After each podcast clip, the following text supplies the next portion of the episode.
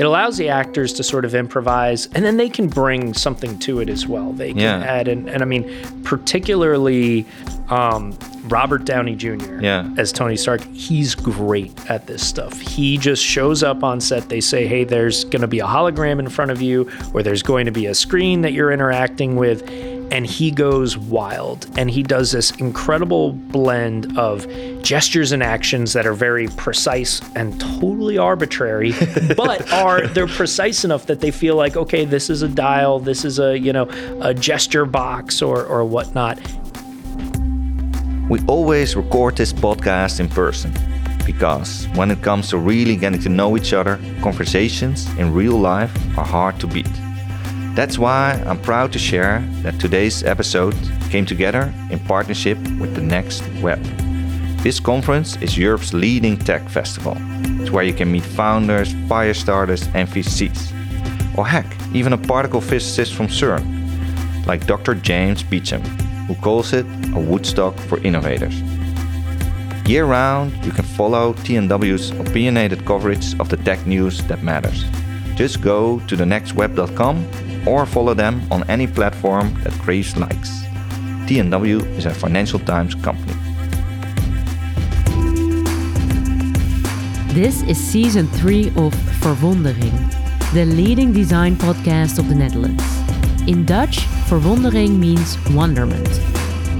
Every episode, Harald Dunnink talks to other designers and creative directors about the impact of their work, from artists to curators. Together, they explore what makes a design meaningful. Harald is the founder of design agency Momkai. As co founder of The Correspondent, Harald helped to build the third largest membership journalism platform in the world. This eye opening podcast is a visual journey too. You can view all the designs that Harald and his guests discuss by visiting the show's gallery on verwondering.com.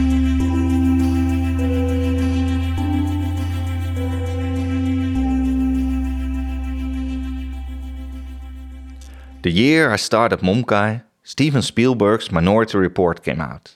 A film that captures so much that a kid in digital design could dream of. The story is about a pre crime chief, played by Tom Cruise, who stops crimes before they're being committed. To do so, he and his team swipe screens of future visions left and right with big hand gestures to construct spicy murder plots. Sitting in the cinema, the film had a major impact on me and my friends. And not just us, it also impacted the design community at large. We wondered how people in the future would interact and what it would be like to work on those crazy interfaces now. Enter John LePore, my special guest today, who did more than wonder. He changed how we imagine the future of technology, with Tony Stark on his side. John is the former principal creative director of Perception, an Emmy nominated design lab from New York, where for the past 16 years he's pioneered UI in films. If you're watching any blockbuster where a character interacts with an advanced technology, there's a solid chance that he and his team have conceptualized it, designed it, animated it, and incorporated it into the film as a visual effect. Just in the Marvel universe alone, there's so much that he's been part of. The Avengers, Thor, Iron Man, Captain America, Spider Man. One of his best is the beautiful Wakanda tech for Black Panther. Mid air haptic controls that you could almost feel yourself. Watch the film and you can imagine how vibranium sand could empower any tribe. His work is based on real world research, like that of MIT or the University of Tokyo. And just as often, it's being applied for real world clients too. Many white labeled, buried on the piles of NDAs, top secret hush hush. But we can share brands like SpaceX, Audi, Ford, Microsoft's HoloLens, or the all new Hummer EV. Discover in this episode how to take audience members on a journey where they can understand future interactions and why it's important to obsess over the reality of any detail. John, welcome to the studio of Momkai. Harald, thank you so much for for having me. It's great to be here in your beautiful studio. Thank you. Um, why was your childhood ruined by the Lamborghini Countach? So uh, when when I was a kid, I was deeply fascinated with exotic sports cars and and I still am today you know as as many of us are when we're that age you know we love these wild shapes and forms Lamborghini Countach Ferrari Testarossa mm-hmm. um, the the more wild uh, the the more exciting to me I I looked at these vehicles and I would I would say to my dad why like why can't every car look like the Lamborghini Countach, right? Yeah. Like it's the it's the per it's obviously the perfect design. It's the perfect shape. Why does our Toyota not shaped exactly like that? And uh, my father explained it to me as well. You know, John, you see, it doesn't just look that way because it looks cool and exciting. It's shaped that way because having a pointy front end helps it to cut through the air and achieve a, a, higher top speed. It's wider at the back so that it can fit this enormous V12 engine. And all of those things make it actually perform better as an exotic sports car. And you know, I, I, I was very fascinated by this, and he continued to kind of like, you know, poke me a little bit and say, you know, you you only are excited by it because it looks wonderful, but I I am deeply overwhelmed by it because it is this blend of the way that it it functions better, the way that it it's able to achieve its goals better are impacting the way that it looks and both of those things are benefiting in the process and for me, that became my foundational understanding of just what design is. Beautiful. Yeah, so for anyone that doesn't have a, a, mental picture of the car, it's like a really slick, really low uh, Italian sports car. People might remember it from uh, the scene in uh, The Wolf of Wall Street, mm-hmm. where Leonardo DiCaprio thinks he cruises home yep. very solid, yep. very good, but he's totally high, and he kind of he kind of drops out of the car, and yep. he's like, so you remember the car that he's like I mean, it's, it's the perfect symbol of 1980s excess. Yeah, right, perfect, and yeah. and everything being over the top and as ambitious as could be. But that's you know, and and even I'm sure in the 1980s, I'm sure there are many who would see that would think it was a garish, tasteless sort yeah. of object. But for any child around the world, you know, it yeah. lights you up. It gets you so excited when you see these things. Yeah, exactly. You know, it was beautiful, designed by uh, Bertone, the, mm-hmm. the design studio always in competition with uh, Pininfarina that designed many of the of the Ferraris. They also did the Lancia, Lancia Stratos. yes, really yeah, another That's, favorite of mine. I had a I had a, a little matchbox car of the Lancia Stratos with the uh, the Alitalia uh, livery on it, the sort of rally car style, and and that's always been a, a super cool one uh, for me. It's it's it's amazing how these sort of things, especially when you're a kid and you develop that affection for them, y- you don't ever let it go. Like no, always, there's you know I could see a you know, Bugatti drive down the street. And I would be interested. Oh, look, there's a Bugatti. But if a Lancia Stratos yeah. came driving down the street, I would lose my mind. Yeah. I would, yeah, it's, it's And you don't see those that really yeah, that often. Certainly.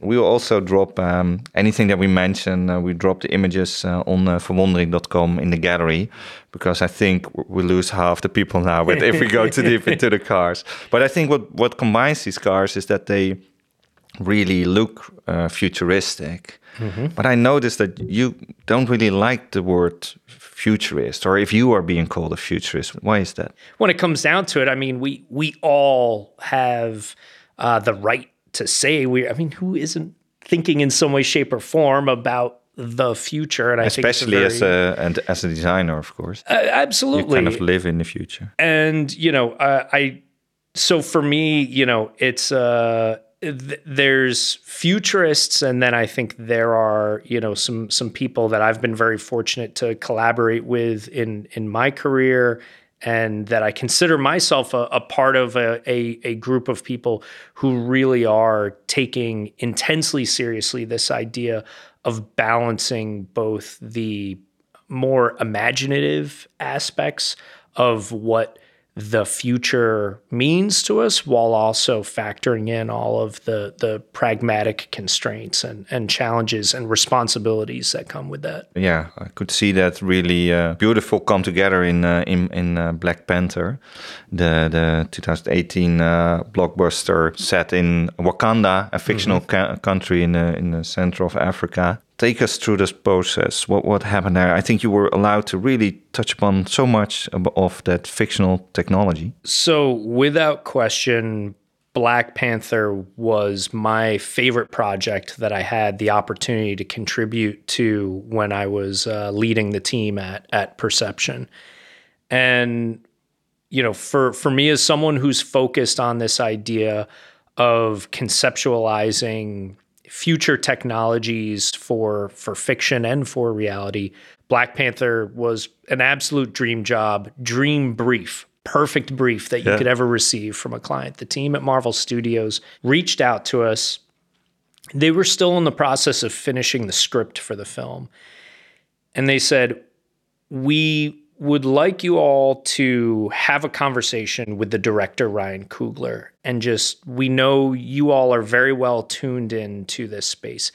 If you could have a conversation with him about relevant future technologies, emerging tech, interesting advances, or or uh, things that are happening in science and engineering that we should be factoring in as we are shaping our story, uh, that would be really helpful for us. And it's it's really important for this film because in Black Panther, the story takes place in this fictional world of Wakanda. Wakanda must have the most advanced tech ever seen on screen. It has to be more advanced than Tony Stark. It needs to be Yeah. more advanced than Star Wars or James Bond or anything that we've ever Yeah. seen anywhere. And not only that, the society of Wakanda has been closed off from the rest of the world. So it shouldn't feel like a natural progression of just some of the things that we have today in yeah, our yeah. everyday lives. It should feel very unique, very, very distinct. Um, beyond that, there was one other parameter that they gave us, and they said, and and something you should know is that you know the society of Wakanda is built around this powerful element, this mineral known as vibranium. And we said, oh, that sounds cool. What's vibranium? Yeah. They said, well, we're not really sure. Yeah, yeah, Uh, yeah. help us figure it out. So we we started there, and the the first thing that we had to go on this idea of vibranium for us, we were thinking, all right, well, vibranium, vibration, um, sound, haptics, ultrasonic sound waves, all these different things, and we started compiling this research, and we touched on a number of different things from you know echolocation and sonar that you know bats or dolphins Yeah. will use with with each other. We were looking at uh, these beautiful phenomena like uh, cymatics, which is when sound frequencies can actually generate geometric patterns. Really beautiful uh, concept. And there was this whole other thing of uh, ultrasonic sound waves. Um, we had spent a few years prior working on this project on this special piece of hardware called uh, the Ultrahaptics Kit, which was an array of little uh, ultrasonic transducers, almost like mini speakers that would send uh, sound waves that are both, you know, invisible and you also don't hear them uh, into the air.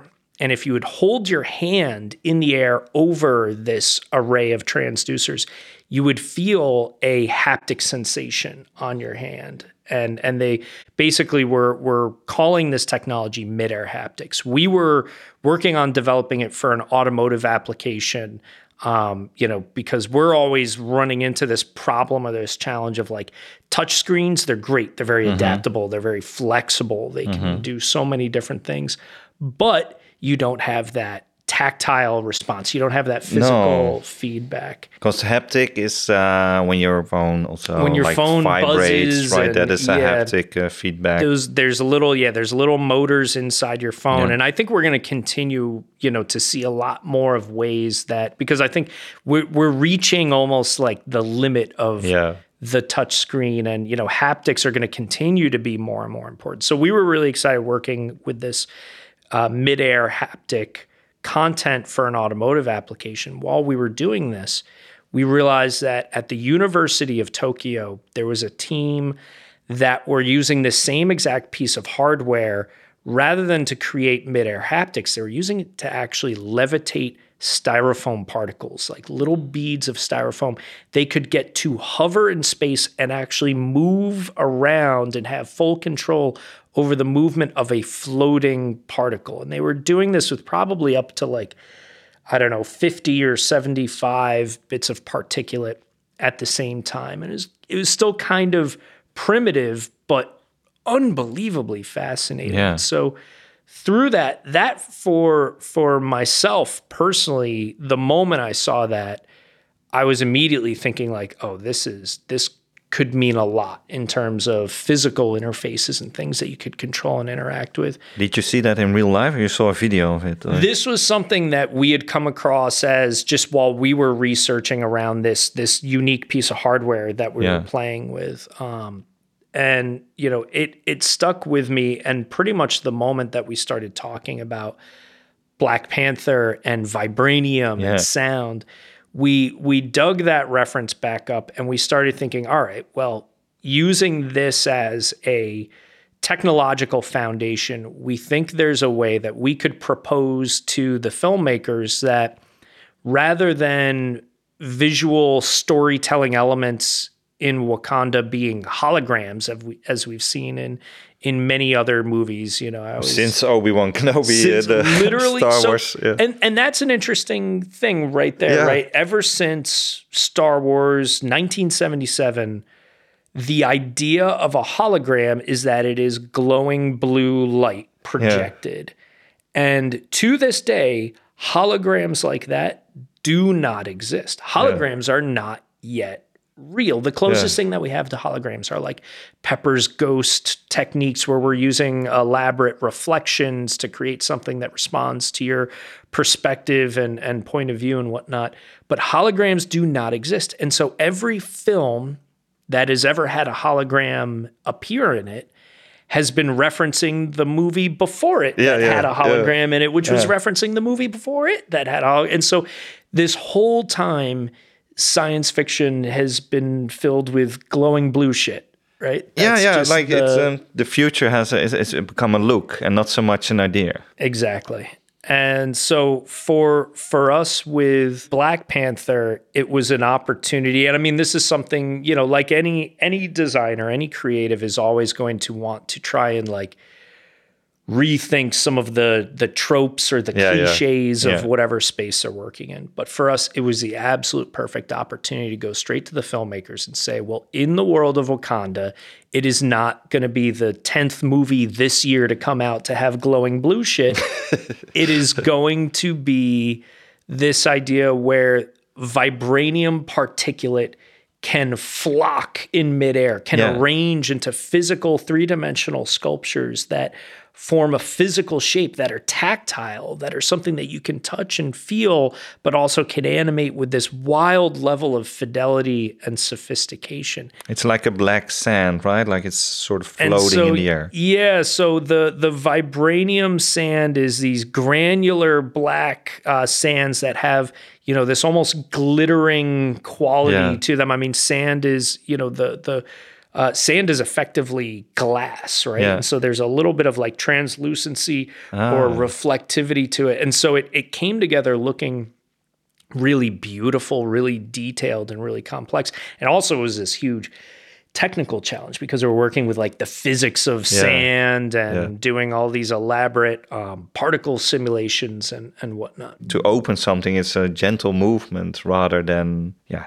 a click to open, right? It's it's much more like browsing through sand. and this was really important to us was uh, one of the things that we did to sort of challenge ourselves was we built in our office a sand table like we just you know we got 50 pounds of sand and You were and, four again. you know yeah we, we were we were little kids playing in a sandbox we literally had little toy trucks that we glued sand to and and everything this is your work. and I mean, it's yeah. I mean, it's it's it's. I feel bad on the days that I would bring my kids to work with Yeah. me and I would show them what I do. And there's toys of superheroes everywhere. There's, you know, cars on So the awesome. toy cars on the floor. And I'm realizing that I need to send my kids to work with somebody else so that they can understand Yeah. that, you know, work is is, you know, it's it's not just playing around. But we it, it was a really important thing for us to get literally our hands on sand as a way of reminding ourselves like all right well you know when we would first talk about interactions okay he needs to look inside the trucks that are down on the ground that he's monitoring and i think immediately everyone starts thinking okay maybe there's like an interesting like gesture that he does to like open up an x-ray viewing window through Yeah. the sand and whatnot and you know we would put our hands in the sandbox and we'd very quickly just arrive at well well no it's just sand so you should just just brush Yeah. the sand away and re- and interact with it Yeah. like it's sand let's take advantage of every attribute that is in this paradigm that we've that we've created Yeah, it's so awesome. And how does it then work? Like it's um you- you have these conversations with the director. They gonna shoot. Is it are you on set or is it months later you get footage in and you see how they will how you how you should incorporate your your technology uh, vision? So it's a little bit of everything, and there's uh, some instances where there's things like uh, screens or content that maybe will be on monitors or projected on set that are created or sometimes queued up in mm-hmm. person. But on something like Black Panther, a lot of it was doing all of this work in advance of their shooting just to sort of prototype out these concepts and figure out how they would work, how they would function. And we did everything from making lo-fi CG animated tests of things shifting in one way or the sand would emanate from one direction or move with a rhythmic bounce to incorporate the sort of like sound wave technology uh, to also just making home movies of us playing around Yeah. in our sandbox and and things like that all of that content that we were creating ended up actually becoming a sort of uh, instruction manual, if you will, Yeah. or or a sort of like almost like a IKEA booklet of Yeah. how to interact with with vibranium sand. And even director Ryan Coogler would pull these materials up on set and show the actors and the performers and say, "See, this is the thing. You know, it's going Yeah. to be added as a visual effect nine months from now, Yeah. but." right now you're going to be interacting with something like this and watch these dweebs in New Yeah. York who are playing with it as a as a reference for how this can function and how to how to work with it. So they would have like a little video or stuff like the, the like the prototypes that you did. Like an actor could see that and thought like, oh, now I understand what I need to do. And it's and it's nice too because it also provides the actors, you know, because nothing's set in stone. It's not Yeah. oh you have to be positioned exactly like this, otherwise the content won't fit. Yeah. It allows the actors to sort of improvise, and then they can bring something to it as well. They can Yeah. add and and I mean particularly. Um, Robert Downey Jr. Yeah. as Tony Stark, he's great at this stuff. He just shows up on set. They say, hey, there's going to be a hologram in front of you, or there's going to be a screen that you're interacting with.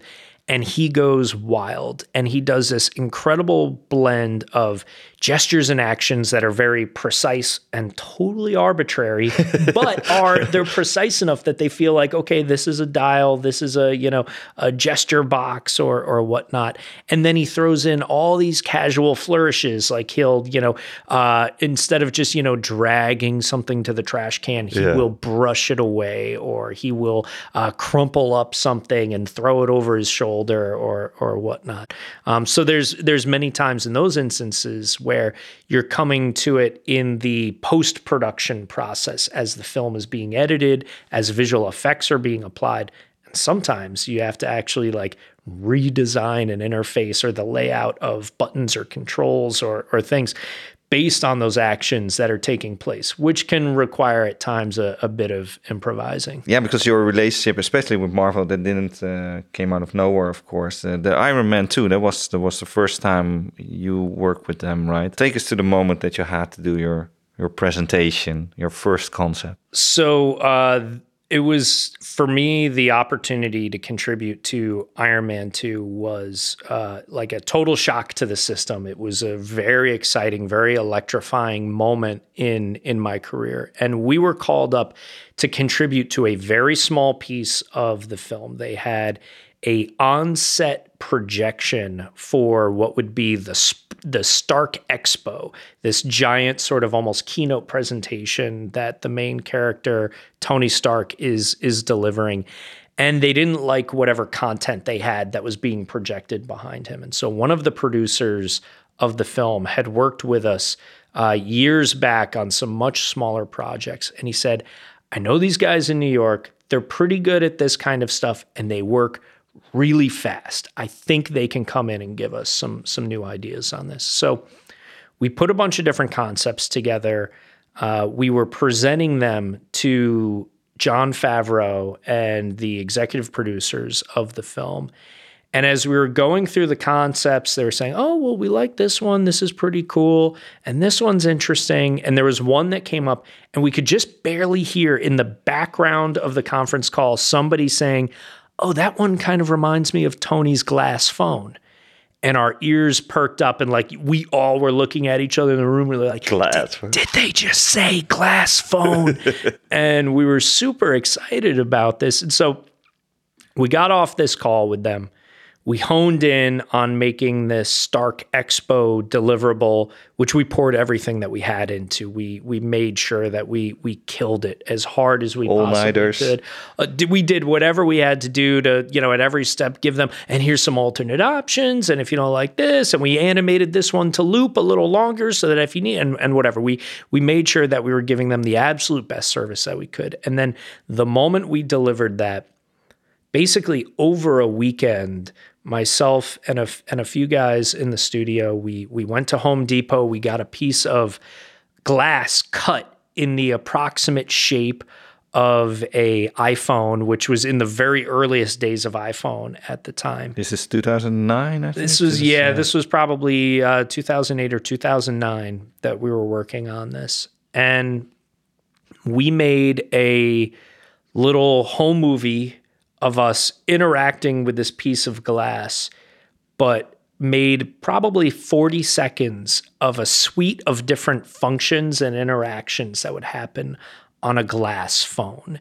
And there was things like, uh, uh, you know, surveillance mapping. There was sending, you know, playful messages.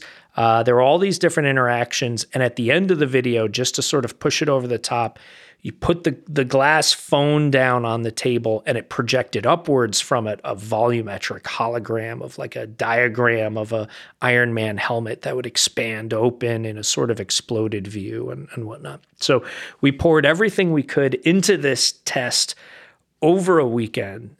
We sent it over to the team at Marvel Studios, and we just sort of coyly said, "Hey, we thought there was some mention of a glass phone, so we just thought, you know, we just we just put this little thing together. You know, let us know what you think." And we didn't hear anything from them. They they did they just flat out didn't respond to us. And we were very concerned. We were wondering, oh, did we insult them? What did we do? yeah, we don't yeah, like yeah, we don't know how these big shot movie producers think. Uh, I wonder, you know, if that was a problem. Oh boy. And what it was was they were they were deep in the process of filming their movie, their very complicated and elaborate movie with many different locations all over the world that they're traveling between and doing these super complex shoots. And as the film transitioned months later into the post production process, when they begin really thinking seriously about the visual effects incorporated into the film, we got a call from them and they said, Oh, Jon Jon Favreau liked your your phone test. The film director. The film director Jon Favreau uh, liked your phone test. Would you guys like to work on Tony's glass phone? We were like losing our minds. I mean, it's like instant party in yeah. the office. uh, unbelievably exciting. And uh, we said absolutely. And then they said, oh, and he's also got a you know a glass coffee table uh, that needs some graphics on it. We said, absolutely, we will do that as well. And as we were working on these things, we started getting a couple more requests that would pop up and it would be okay well there's actually a window in his bedroom and there's a, another window in the living room that needs graphics and he's going to the monaco grand prix and that's going to need graphics and there's all and there was like one thing after another it kept stacking up and i think by the time our work on the film was finished, we ended up delivering 125 visual effects shots for Iron Man 2, which, in the grand scheme of a film like that, is relatively small. Um, a, film like that may have as many as uh, 1,500 or 2,000 visual effects shots in it. But for a tiny team like ours, Yeah. this was enormous. And especially for our first time ever contributing to a feature film, um, was a huge opportunity for us and and an incredible experience all around. I can imagine that's super exciting for for a team. I think what strikes me also with, what you created with your teams was that it feels really advanced, but somehow also kind of realistic. I still can imagine what what happens there. It reminds me a lot of the Maya principle by Raymond Loewy, like a legendary designer from the 50s. He designed everything from Air Force One to Lucky Strike logo and all that. And he called that uh, the Maya principle, standing for most advanced yet acceptable. It states that people like things that are familiar but surprising, uh, and vice versa. How do you go about to making sure you still can understand it as an as an audience? So that's a really important factor that goes into all of this because I think you can sit around in a room full of smart people and brainstorm what would be the most advanced thing in the world and you'll quickly arrive at something along the lines of like I have a neural connection to a technology where I imagine something and it happens. And that's so distant from being familiar that it doesn't seem plausible. It doesn't seem acceptable. It's also in the context of like a feature film, it doesn't give you anything to look at. It doesn't give you mm-hmm. anything to present to your audience and and creates other other challenges. So I think there's there's so much that goes into that. And that was why in in Black Panther it was really important for us that we had this underlying logic of ultrasonic sound waves can levitate this matter in the air and that it it created this balance of a framework for our creative team to work within to have some sort of rails and guides to get to this particular execution it gave us something to have a conversation about with the rest of the filmmakers who for us to be able to say to them this is not magic Yeah, yeah. this is not just something that's totally arbitrary and just uh, a bunch of creative artists said this would be cool you know wouldn't it be cool if dot Yeah. dot dot so with something like black panther it was unbelievably important for us to have these this underpinning logic this Yeah. tie back to reality which does a number of different things for us in the process um, having this logical construct of ultrasonic sound waves uh, gave our own creative team a sort of uh, guardrails or a framework to work within as they're mm-hmm. putting these ideas together, which helped them with their creative process. It is a really powerful tool when you're collaborating with your client, in this case, filmmakers who are able to go to and say, This is not just pure magic. There is something that is driving this. And it's, you know, uh, anytime that you're doing any kind of creative work and you have to go to a group of, let's say, executives Yeah. and say to them, "Do you all agree on you know if this piece of art we made is the best art?" Like you're going to lose Yeah, anytime yeah, you yeah. you walk into a room and do that. So to be able to guide it and control the conversation with this logic was hugely helpful there. And then I think for the audience who goes and sees the film, even though the movie never pauses and the characters turn to the camera, look into it and say, can't you tell that this, you know, sculpture that's morphing is vibranium particulate levitated by ultrasonic sound waves? They don't do that. But there's these little cues in the effect. It has a rhythmic bounce when it levitates in the air. And I think those little touches, those little details, those little cues start to scratch at a little bit of curiosity uh, within certain members of the audience's mind. And I don't expect everyone that sees the film to walk away from it being like, "Did you see that vibranium interface?" But there's a few people who I think get really fascinated Yeah. by these things, and when they notice these little details and these little nuances, they become so much more curious about. Uh, the the technological world uh, and how it shapes that that society within the film. Yeah, what I find really interesting is that you you almost have like two audiences. So nor- normally you would be yeah, designing an interaction or an interface that's really uh, meant for, for, for the user interacting with it or a group that interacts with it. But here there's there's almost like this this third person third person view on it, where we as an audience sitting in the cinema still have to understand what's happening. And you you you always have to keep these audiences in Well, you're, mind you're too. always right? supposed to design for your end user. Yeah, exactly. And, and yeah, in this case, we have two end users. We have the character in the film who often is supposed to be the smartest person in the world, Yeah, right? yeah, and and yeah. the person who is able to use the most complex system ever seen anywhere. And then we have the person, the other end user, which is the person sitting in the very last row of the movie theater.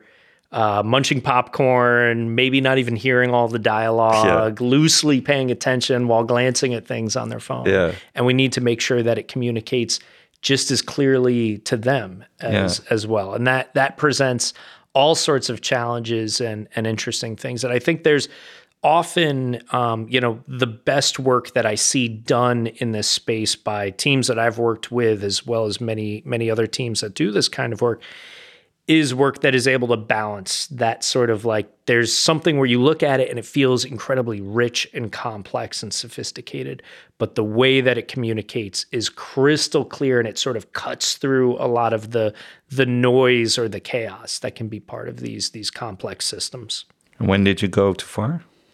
um, I mean, there's there's a number of different times where I think we've created things that have uh, a, a level of almost overwhelming complexity or or busyness. But I would say that I'm I'm proud of both my my team and very much in the collaborative effort that we go through with the filmmakers. There's always an inherent friction there where the filmmakers themselves often they don't care as much about that complexity Yeah. or that level of detail that creative designers want to imbue it with that Yeah. want to pour everything into this piece because you know they're they're thinking well it's going to appear for you know a second and a half in your film but it's Yeah. going to live on for an eternity in my portfolio and, and whatnot and the filmmakers almost always are they they would many times be content to see an interface that has a 120 point typeface with text going from one side of the monitor to the other saying, Yeah. you know, access denied in huge letters and whatnot. And we often spend a, a little bit of time sort of trying to coach or encourage the filmmakers not to go that far with it and to try and find ways to strike a balance so that the the technology feels sophisticated but also feels plausible at the same times whereas the the director or often even the editor of the film these are really important tools for the editors of the film because they can help condense uh, storytelling and narrative but they always want to make sure that that's going to cut through as clear as possible Yeah. to the audience I think that happens in Black Panther and also I think in Captain America Civil War where you're also allowed to do the end title. So not only do scenes in the movie, but yeah, I think the technical term is main on end title. So yeah, when it's a title sequence that appears at the end of the film, Yeah. the the technical term is like main on end title, but it's Yeah. yeah, it's effectively you know a a, a uh, often in the Marvel films in particular a very expressive, very visual title sequence that often is almost like a celebration at the closing of the film or like Yeah, a, a really. music video that plays out, uh, tying up the themes of of the story. I think with Black Panther it's like uh, purple, orange. You have this the, the the things that you designed with the sand with the team that became more like characters, like uh, warriors and panthers, almost like the things that we shortly saw in the movie. Now they they get their own center stage. I I loved that sequence in Black Panther, uh, the the main on end titles because it it was able to carry forward some of these ideas that we had designed for the technology with the film. It also bookends the film because the the film opens with a history of Wakanda sequence that is sort of like a million years ago Yeah, yeah, in yeah. the in the world of Wakanda, and that story was also told using the vibranium sand Yeah. uh, paradigm as well. And so the the movie opens with that. It sort of closes with it. The main on end title sequence is, of, is like the most expressive version of it. We're having a little more fun with it. It's pulsating.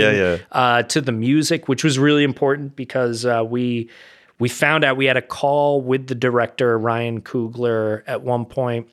Uh, because we had been asking, what are we, what are we going to have for music with this? We really Yeah. want to tie in the music some way, somehow. And we were on a conference call with him, and he said, "Well, here's the track that I'm thinking of using for the title sequence at the end of the film. And he's playing it over the phone and we're like holding our ears up to the speaker phone in the in the conference room trying to hear it and we're listening and we can, you know, we can hear it. There's a hip hop beat to it. and then all of a sudden we start hearing the lyrics come in and we looked at each other we were like, "Holy shit, that's Kendrick Lamar." Oh, and he had Kendrick Lamar make a song for the the title sequence for Black Panther, which to me that was one of the most exciting moments of my entire career. And so we we took that song, we actually were able to pipe it into our physics simulations that we were doing using uh, Houdini, Yeah. a piece of software that makes unbelievably complex particle simulations.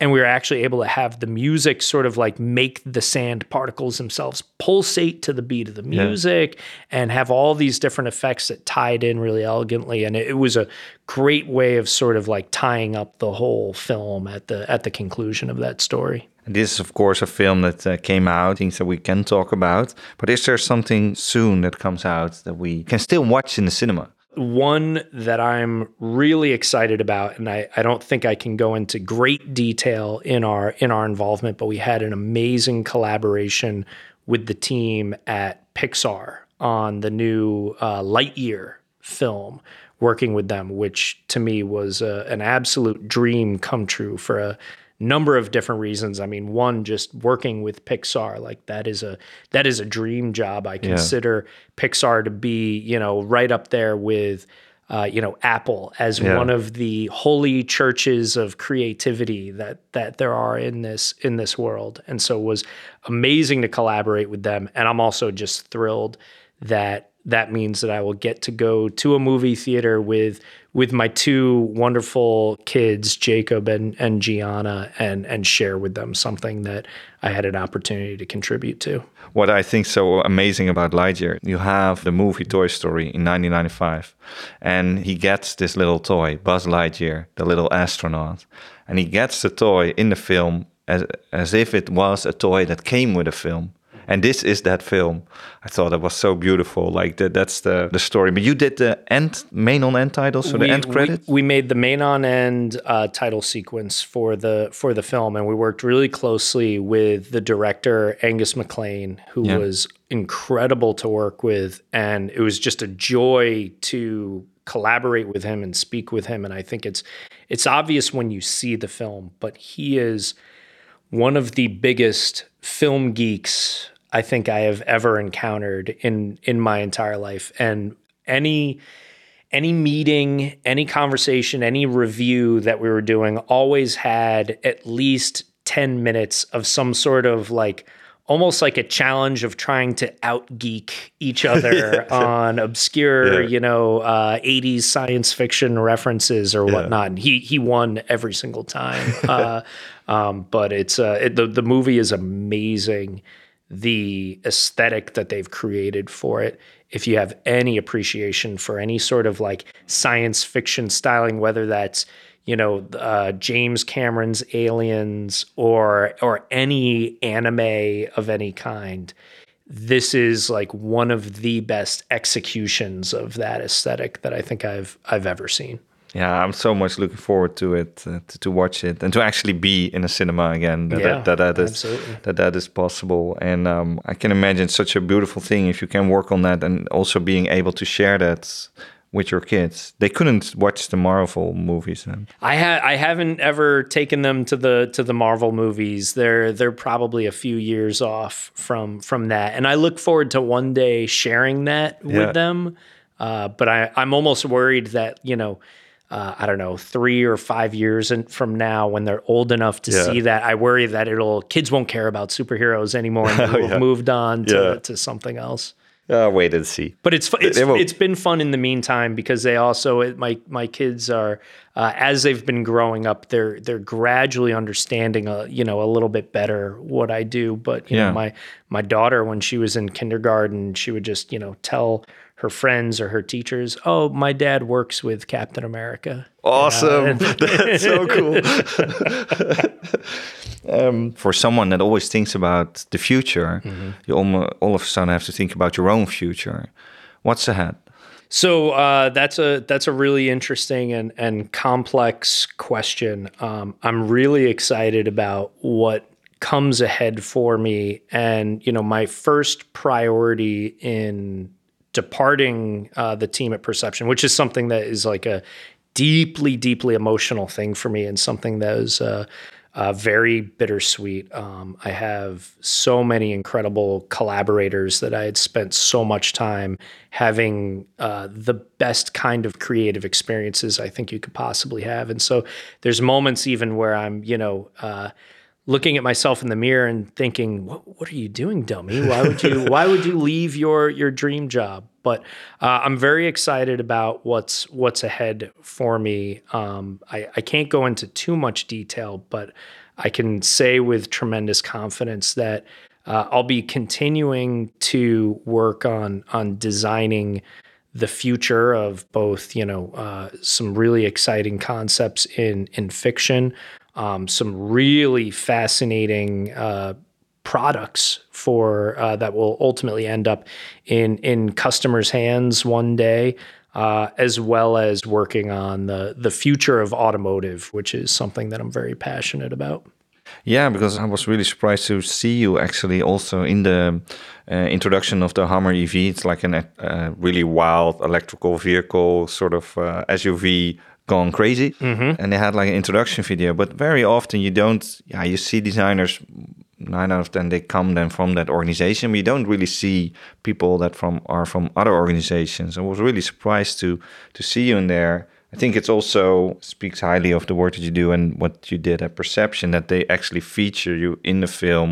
I think the creative director, you have a bit there with the creative director of General Motors. So I was uh, I was honestly just personally deeply touched that uh, my creative counterpart at General Motors, uh, Scott Martin, had invited me to come and personally participate in the marketing for the new Hummer EV, and that was to me both a, a, a really kind gesture of, of recognition for the work that myself and my team had contributed to this vehicle, but I think also spoke to the fact that General Motors as a as a whole saw the value in celebrating the relationship of having a, a collaboration with minds that were as focused on ambitious visions of of how technology uh, will function both you know today but also in the future and I think it goes without saying you know the the Hummer EV whatever you think of a wild uh, truck like this it is an incredibly cinematic vehicle right Yeah. you you see one of these things driving down the street and it looks like it's driven straight out of a Michael Bay film. Yeah. And uh, to me, that was the the perfect sort of vehicle to contribute to, to to collaborate on, and to to help you know push into a more ambitious uh, space than I think we see from from many other vehicles. Yeah, so the work that you did on there was um, uh, with the team was was yeah the interfaces inside the car, also where you see the car, for instance, when it goes off road, you can see the pitch and roll, you can uh, see it as a little car in the environment where it's in. I really loved how it goes from um, the day to night mode when you which often is like day mode is light, and then in dark mode, of course, in night mode, everything is black. But here it's like a sun that turns, right? Like you see for a short bit the shadows of a mountain. Yeah, and this is, you know, for me, this was a really great example of finding that balance between the pragmatic and the cinematic. Um, the Hummer EV's instrument cluster does this great thing. Uh, it was one of the first GM vehicles to have both a day and a night mode to its visuals, which sounds sort of like a a fun personalization, but it actually serves a really important purpose. If you have a display with a dark background, which most displays traditionally do, work perfectly at nighttime because it's not too bright, it's not mm-hmm. blinding you while you're trying to focus on the road ahead. But in bright daylight conditions, you can get tremendous glare on your screen, which could create, you know, difficulty in being able to Yeah. read your instrumentation, could create confusion while driving. I mean, anything that causes any sort of uh, confusion or, or difficulty while you're operating a motor vehicle, it's a very serious, serious problem. Yeah. Your worst case scenario is very, very bad when you're working in this space. Um, so the Hummer EV has the ability to shift the instrument cluster to a bright background when you're in bright daylight conditions, which makes it much easier to to read and, and understand. But we also use this as an opportunity that when those lighting conditions change, there's actually this really beautiful effect that happens where you're looking at the instrument cluster, the backdrop looks almost like a satellite view of lunar terrain and that lunar terrain casts shadows that slide across the surface as if there is a sort of like sunrise Yeah. or sunset that's happening. And it's a really beautiful transition uh, that I think creates this sort of like both a, a moment of delight, but it also is designed to endear the customer with an appreciation for how much quality has been worked into this system, how every single little thought or detail was considered. It would have been very easy just to say, okay, we're just going to crossfade Yeah. from dark background to bright background, but to have it feel like an actual animated sunrise is happening uh, was very, very dramatic, very exciting. Yeah, very cinematic. Also, I really liked the detail, and I I, I loved also how it um, becomes. Uh, yeah, it's really holistic. So you see other parts in the in the car where they have this sort of mountain pattern. I think also at the back. Uh, so really in the physical part of the object, and then to see that also reflected in the digital part, I think that's a, a beautiful marriage. Well, I thought this was really cool, and this was something that that came from the team at at General Motors, which was this idea that um, the Hummer EV has a very specific heritage behind it. It originated as a military vehicle, right?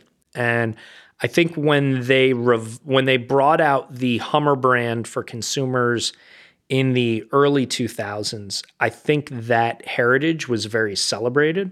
I think in today's day and age, I think of that sort of heritage as possibly being a little dystopian Yeah. when thinking of a future Yeah. product. And I think even many of us who love science fiction, we do crave a little bit of dystopia. You know, we all like Blade Runner, Yeah. we all love the grit and grime of Akira. yeah, And I think it's really important to stay focused wherever possible on the optimism that can come Yeah. with the future. And so the team at General Motors, I was really pleased that they put a lot of thought into referencing a collaboration that they had uh, a long time ago with NASA in creating the first ever lunar rover. General Motors was very directly involved in that. And that is what brought in sort of the the lunar terrain backdrop Yeah, that we yeah. bring in throughout the interface, and we see a lot of that sort of lunar topography Yeah. all throughout the uh, the interior of the the Hummer EV, including you know the speaker grills have actual uh, topography from I, I believe it's called the the Sea of Tranquility. yeah, yeah, yeah. That's on the moon and whatnot. yeah, yeah. And I think the in the concept version was so much, but now in the version that they actually launched with, they have this lunar gray interior. They reference it everywhere. So we can imagine that it's either some sort of sports car, some sort of fast car that you're gonna be working on now.